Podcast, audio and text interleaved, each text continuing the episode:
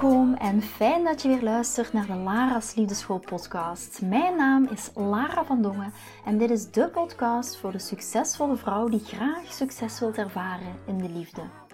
Waar ik je als prachtige vrouw wil uitdagen je hart te volgen, ook al is dat super spannend, en erop te vertrouwen dat liefde ook voor jou is weggelegd. Wat laat je precies van jezelf zien zodat jouw droomman je ook echt kan zien voor wie je bent? Dat is waarmee ik je in deze podcast wil inspireren en introduceren in de prachtige wereld van de liefde.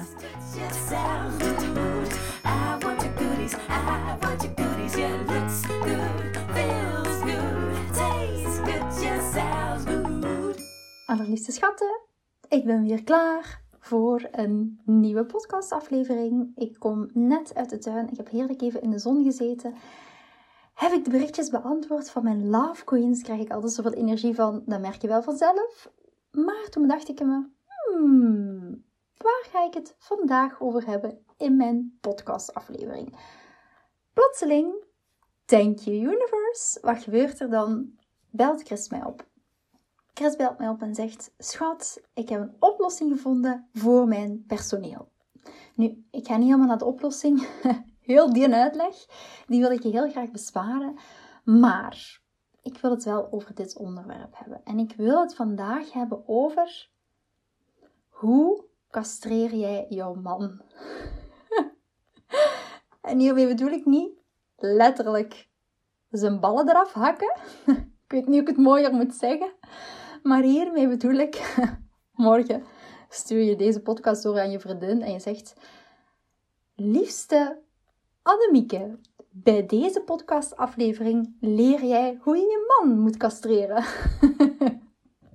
oh mijn god, maar even back to topic. Heel vaak castreren wij onze man in onze relaties. En daarmee bedoel ik dus niet letterlijk zijn ballen afhakken, maar bedoel ik op gedragsniveau, op gevoelsniveau. En om dat in deze aflevering toe te lichten, wil ik dat heel graag ehm, het voorbeeld gebruiken van Chris.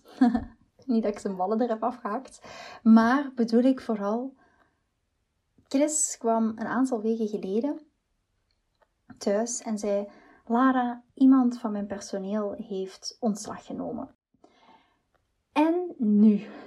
En nu? Natuurlijk, je weet zelf ook, als je misschien ben je zelf zelfstandig ondernemer, werk je voor een bedrijf, als een collega ontslag neemt, als iemand um, stopt in het team, dan brengt dat altijd ja, een bepaalde stress met zich mee. Werk wat overgenomen moet worden. Mensen die weggaan, die al lang in een onderneming werken. Ja, wat ook betekent ja, verandering. Wat ook betekent, oké, er moet iemand nieuw ingewerkt worden. Ja, je zal het zeker wel herkennen. Dat brengt de nodige um, transitiefase met zich mee. In een fase dat je gewoon weet van, oké, dit gaat gewoon eens even een fase zijn waar dat we een beetje door de shit heen moeten. En daar zat Chris dus in. Dus Chris belt mij op en Chris en personeel die werkt al hele lange tijd voor hem. Dus het is ook niet dat dat heel veel met inter, op interimbasis um, werkt. Dat zijn heel vaak mensen die heel veel ervaring hebben. Dus ja, als iemand weggaat, dan brengt dat wel iets met zich mee. Dus Chris belt mij op en zegt: Lara, iemand uit mijn team heeft ontslag genomen. En nu? en nu? Misschien niet letterlijk met die vraag, maar ik voelde me aangesproken. Mijn uh, moeder, mijn coach, mijn psycholoog, die komt in alle getalen naar boven en denkt: oké, maar dit moet opgelost worden. Want we zijn allebei zelfstandige ondernemers. We weten wat het doet om en, we weten allebei wat het is om met een team te werken. En ik heb natuurlijk hiervoor uh, heel vaak heel in, in, een aantal corporate organisaties gewerkt, waar ik ook teams heb aangestuurd, waar ik heel veel ervaring heb vanuit, oké, hoe ga je nu iemand inwerken? Hoe werf je iemand aan? Hoe werkt zo'n selectieprocedure? Hoe doe je evaluaties? Wat als je iemand nieuw aanneemt? Uh, hoe ga je daar dan mee om? Welke vragen stel je precies? Ook een beetje de, de psychische achtergrond van, oké, welke vragen stel je dan precies? Wat wil je precies te weten komen? Dus ik heb daar vanuit mijn kant, als ik het zo moet benoemen, iets meer ervaring bij dan bij Chris. Chris werkt al heel veel jaren met hetzelfde team, met een heel klein team. En ik heb natuurlijk een grote organisatie gewerkt waar daar komen en gaan van mensen veel meer is. En ik ook echt op dat proces zat. Als je een team van zoveel mensen aanstuurt, dan zit je ook heel vaak in sollicitatieprocessen, in afscheidsprocessen, in um, afscheid nemen van, in overdracht van taken. En, en, en. Dus je voelt het al. Mijn mama-energie komt naar boven, mijn coach-energie komt naar boven. En ik denk, oké, ik, ik moet het oplossen. Dus Chris komt s'avonds thuis en ik zeg, oké schat, we zitten aan de tafel.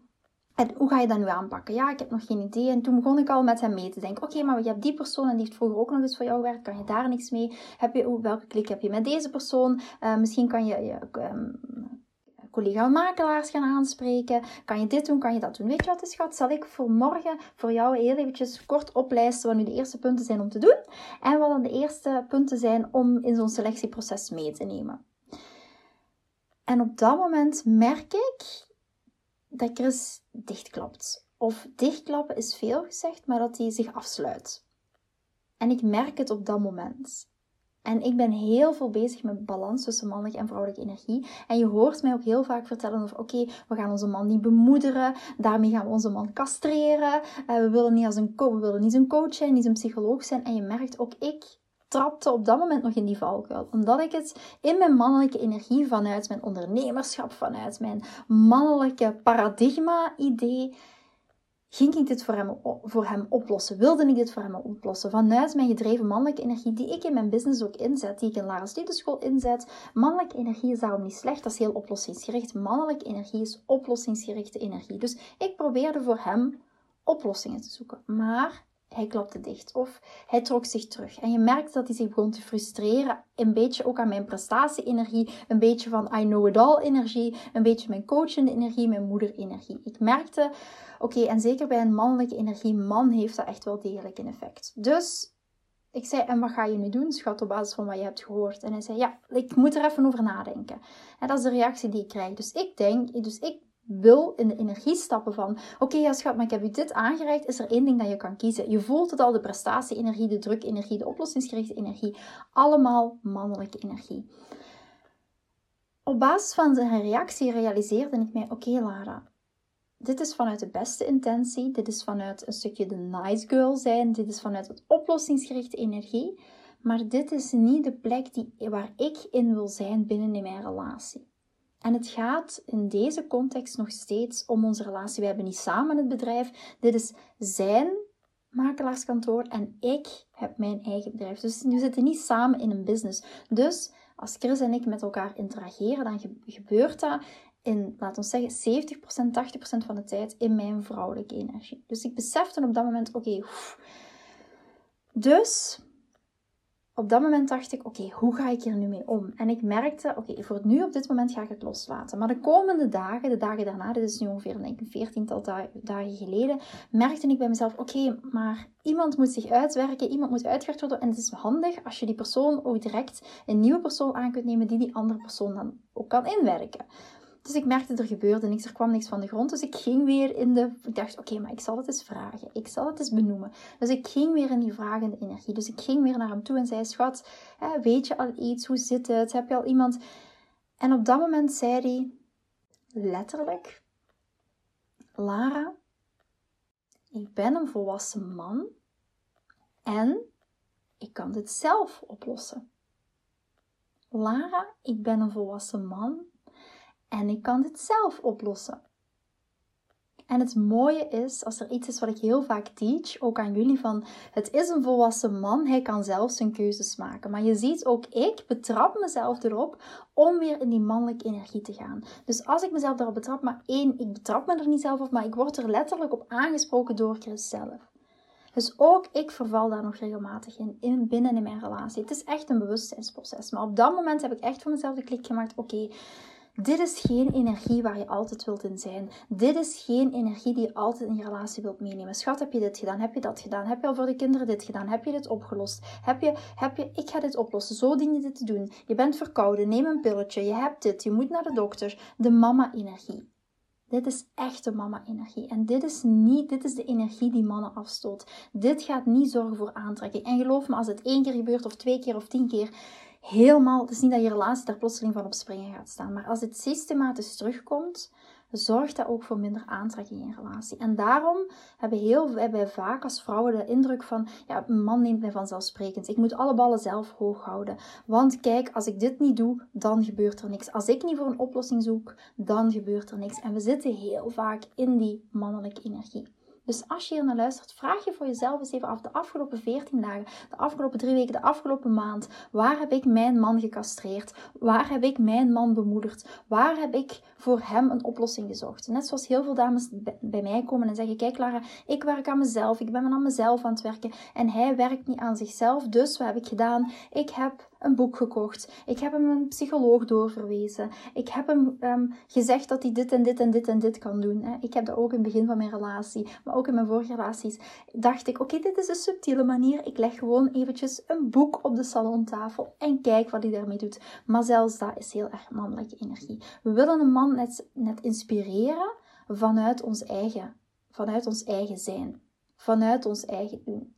We willen het loslaten. We willen het oplossingsgerichte energie willen we bij hem laten in onze relatie. Ja? In onze business is dat anders, in je carrière is dat anders, op je werk is dat anders. Dan mag je met je kinderen, met je, voor je kinderen zorgen is ook mannelijke energie. Zorgen voor is ook mannelijke energie. In die context is het helemaal oké om in die mannelijke energie te zijn. Maar neem heel bewust binnen in je relatie de keuze: oké, ik blijf hier in mijn vrouwelijke energie. En in het begin gaat het een zoektocht zijn in die nuance tussen, oké, waar ligt hier het, het ankerpunt? En waar ligt hier het, het kantelpunt, zou het zo zeggen? Waar ligt hier het kantelpunt tussen, oké, dit is mijn relatie, dit is een stukje mijn carrière, mijn werk, zorgen voor de kinderen. Maar wees, het begint in eerste instantie al met bewust te zijn van wat je doet. Bij mij ook vanuit het bewustzijn dat ik merk, oké, Chris zegt letterlijk, oké, stop. Vanuit mezelf dat ik herken, oké, ik wil dit loslaten. Vanuit het bewustzijn van oké, dit is wat ik doe. Het opmerken dat ik mijn man aan het castreren ben. Vanuit dat punt komt oké, en wat is nu de next step? En hoe kan ik ervoor zorgen dat ik dit kan loslaten? En hoe kan ik daar anders op reageren? En hoe kan ik daar anders mee omgaan? En hoe kan ik stoppen met het bemoederen van mijn man? En weet ook, als je dat een week mee gaat stoppen, 14 dagen ga je misschien niet direct effect zien. Maar je gaat echt zo een enorm en mega groot verschil zien als je dit eens 14 dagen gaat doen. Je gaat nu op dit moment de eerste kleine stap die je kan zetten vandaag, denk er even over na. misschien is je man op dit moment ziek. Wilt dat zeggen dat we hem aan, aan zijn lot moeten overlaten? Nee.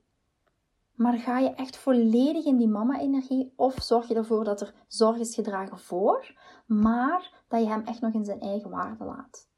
Ook als een man ziek is. Ja? Wij zeggen altijd, als een man ziek is, dan gaat hij dood. Ja? Maar laat hem ook maar even in die space.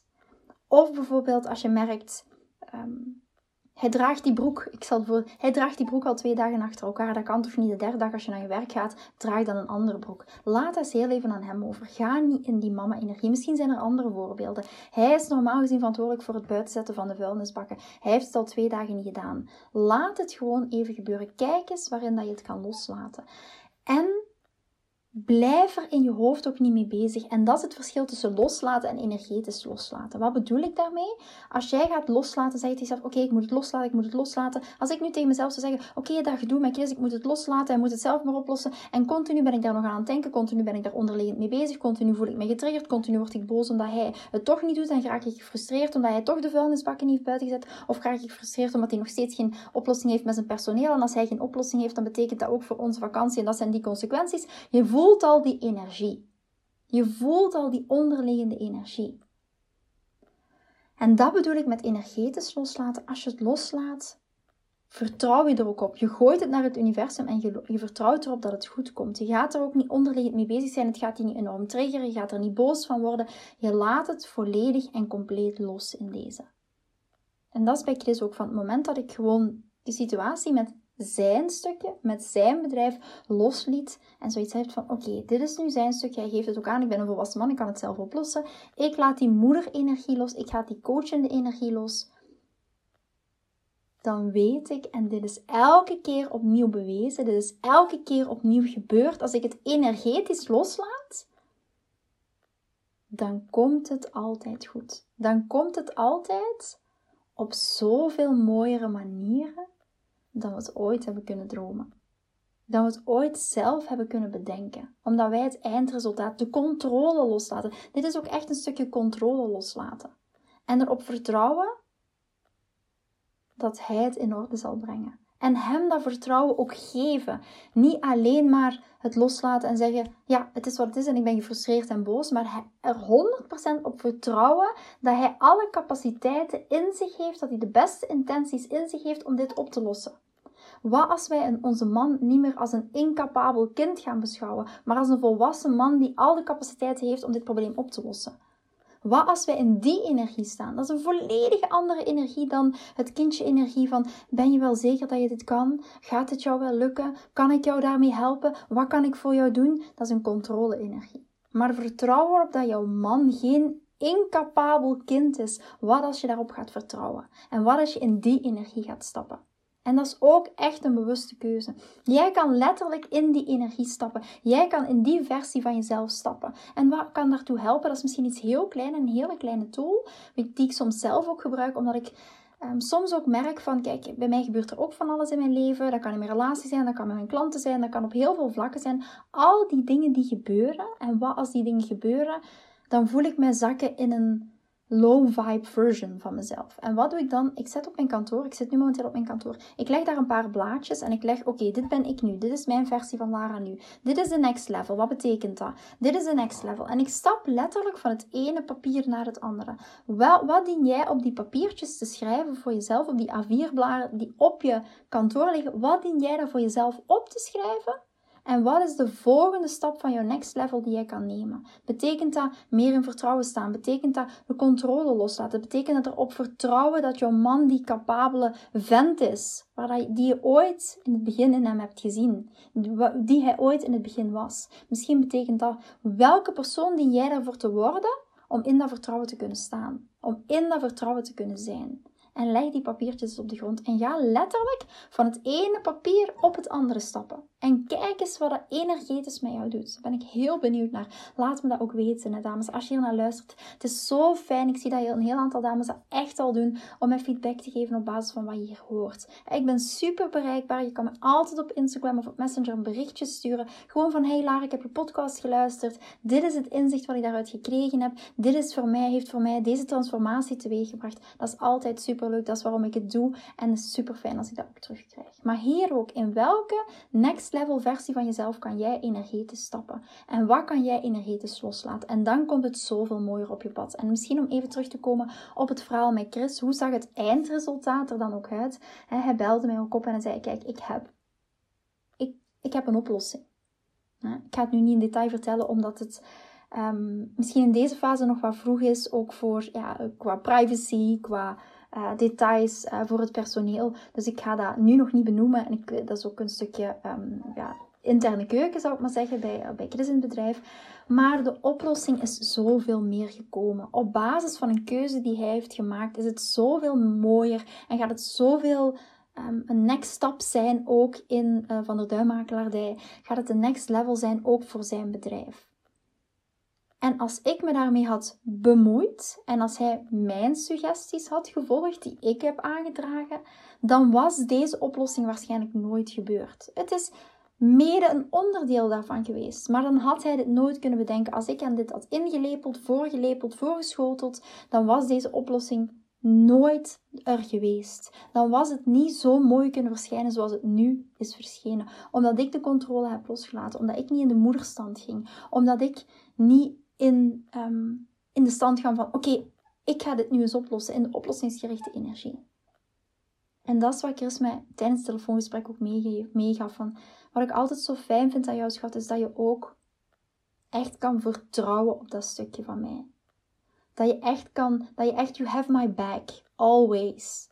En dat is het. Hoe kan jij having your partner's back, zou ik maar zeggen, hoe kan je dat hebben zonder dat je in de doe-energie gaat, zonder dat je in de zorgenergie gaat, maar puur door te zijn, puur door in jouw vrouwelijke energie te zijn, puur om door de juiste intentie te zijn, de intentie van liefde, puur het vertrouwen aan hem te geven. Ook door, en dat is een podcastaflevering van gisteren of eergisteren hebben we het daarover gehad, puur door soms die drie stappen achterwaarts te zetten. En echt die stappen bij en hem die afstand te laten overbruggen. En erop vertrouwen dat hij capabel is om zelf een oplossing te zoeken.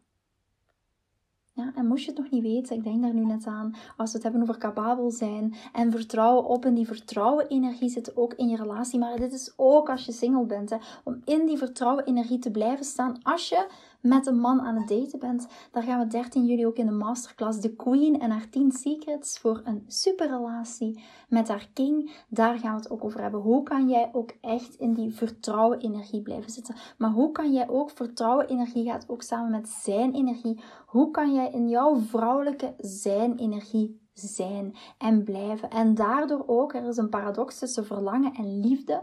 Het is heel fijn, dit is een stuk waar we het vandaag over gehad hebben, het bemoederen, dat valt echt onder het stukje liefde. We gaan onze man bemoederen. Dat valt echt onder het stukje liefde, um, er altijd zijn, um, een stukje misschien ook een beetje de nice girl, de pleaser, alles doen voor je, voor je man, alles doen voor je kinderen. Dat valt onder een stukje liefde. En er zijn, die twee, zowel liefde als verlangen, zijn nodig in een relatie. Laat ons dat duidelijk zijn. Allebei de poten. Maar niet alleen de liefdepoot, maar ook het verlangenpoot. En waar we het vandaag over gehad hebben, het loslaten stukje van de controle. Erop vertrouwen dat hij echt in zijn mannenenergie gaat stappen. Erop vertrouwen dat hij die capabele mannen die je in het begin hebt leren kennen, dat hij dat in zich heeft dat gaat ervoor zorgen dat er ook een stukje verlangen wordt gecreëerd. Dat is niet het enige, maar dat is een onderdeel van het stukje verlangen. En beide zijn echt nodig. Zowel verlangen als liefde zijn nodig in je relaties, maar ook tijdens het prille daten. Dus als je daar meer over wilt weten, daar gaan we het uitgebreid over hebben tijdens de masterclass op 13 juli. Is om 8 uur s avonds. Uh, als je nog wilt inschrijven, doe het zeker snel, want ik heb niet zoals de vorige keren een onbeperkt plaatsen, omdat ik de groep ook niet te groot wil maken, omdat er dan meer interactie is, omdat ik dan ook echt jullie commentaren kan zien. En dat is heel fijn om die interactie ook aan te gaan. Dus als je nog niet aangemeld hebt, meld je zeker aan. We gaan daar ook veel dieper nog in op de paradox tussen uh, verlangen en liefde en hoe dat ervoor zorgt dat hij ook voor jou gaat blijven kiezen, maar dat jij ook voor hem kan blijven kiezen, omdat er een basis van respect is. Vaak als we in die bemoederende rol gaan, in die moederrol, dan verliezen we op een gegeven moment ook het respect voor onze partner. Want dan zijn wij van alles aan het doen, dan zijn wij de relatie aan het trekken, dan zijn wij de relatie aan het ondersteunen, dan zijn wij de relatie aan het voortduwen. En wat gebeurt er dan? Dat je stilletjes aan het respect verliest voor jouw partner. En als dat respect stilletjes aan afneemt, omwille van al die dingen die er ooit zijn gebeurd, dan is het heel moeilijk om dat stukje, om dan terug te gaan van het verlies van respect naar het stukje verlangen, de passie, um, de intimiteit, de emotionele en fysieke intimiteit. En that is where the magic happens. De emotionele intimiteit, die echt heel nauw verbonden is met de fysieke intimiteit, dat is the, where the magic happens. En dus daarom wil je het respect voor je partner ook niet gaan verliezen. Want ik zeg, je hoort me heel vaak zeggen, ja maar um, daardoor gaat, hoe word jij zijn one and only? Hoe blijf jij, um, blijf, blijf jij zijn one and only? Maar hoe blijft hij ook jouw one and only? En dat is ook een heel belangrijk onderwerp. Vind je deze podcast interessant en heb je na het beluisteren van deze podcast het gevoel van yes, mijn tijd is nu.